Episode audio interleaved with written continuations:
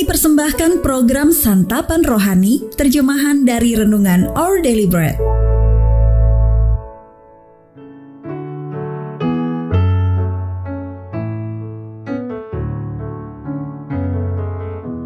Sahabat ODB, pembacaan Alkitab hari ini terambil dari Wahyu pasal yang ke-8 ayat yang pertama sampai dengan ayat yang ke-6.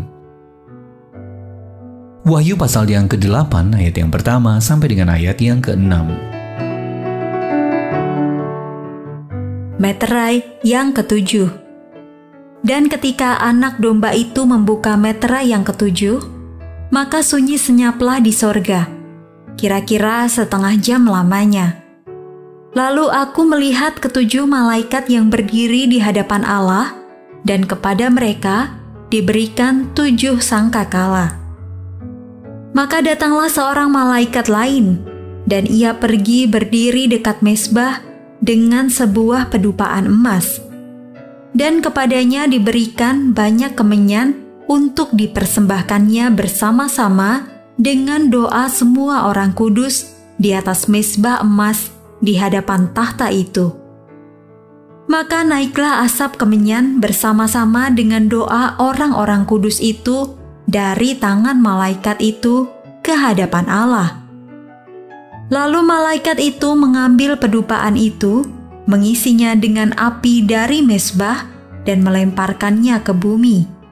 Maka meledaklah bunyi guruh, disertai halilintar dan gempa bumi dan ketujuh malaikat yang memegang ketujuh sangkakala itu bersiap-siap untuk meniup sangkakala.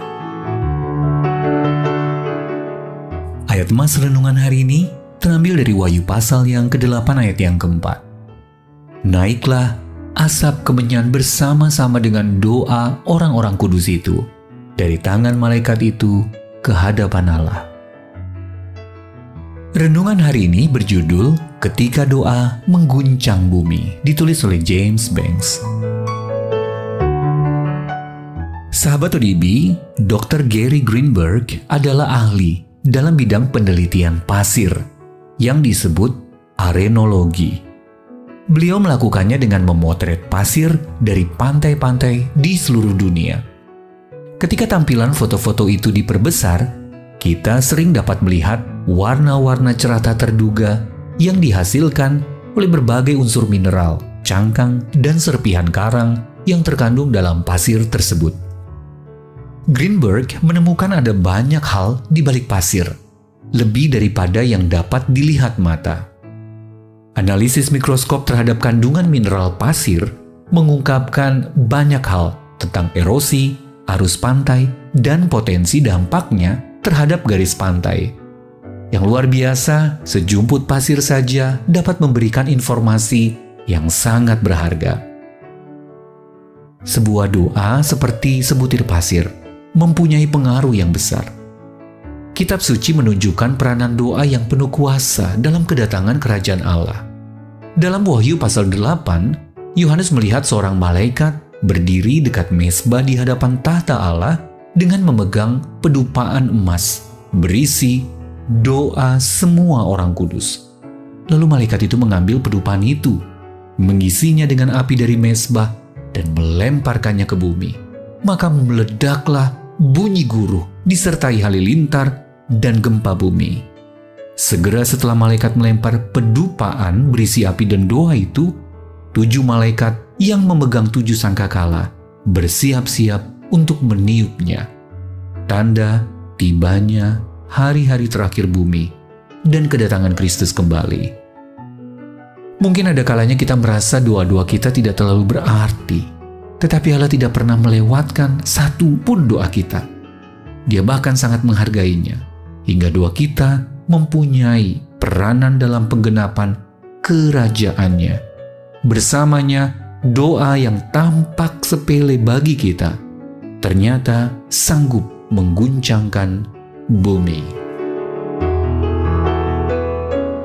Sahabat ODB menurut Anda, mengapa Yesus ingin kita berdoa untuk kedatangan kerajaan Allah? Kita bisa baca dalam Matius pasal yang ke-6 ayat yang ke-10. Lalu, bagaimana Anda dapat tetap bertekun dalam doa hari ini? Bapak Surgawi tolonglah aku untuk tekun berdoa hari ini. Our daily bread ministries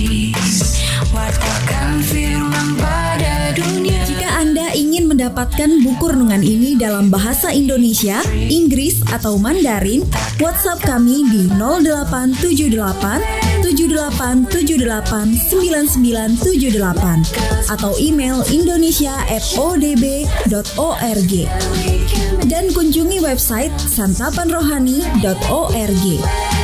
Persembahan kasih dari Anda memampukan All Deliberate Ministries menjangkau orang-orang agar diubahkan. Tuhan memberkati.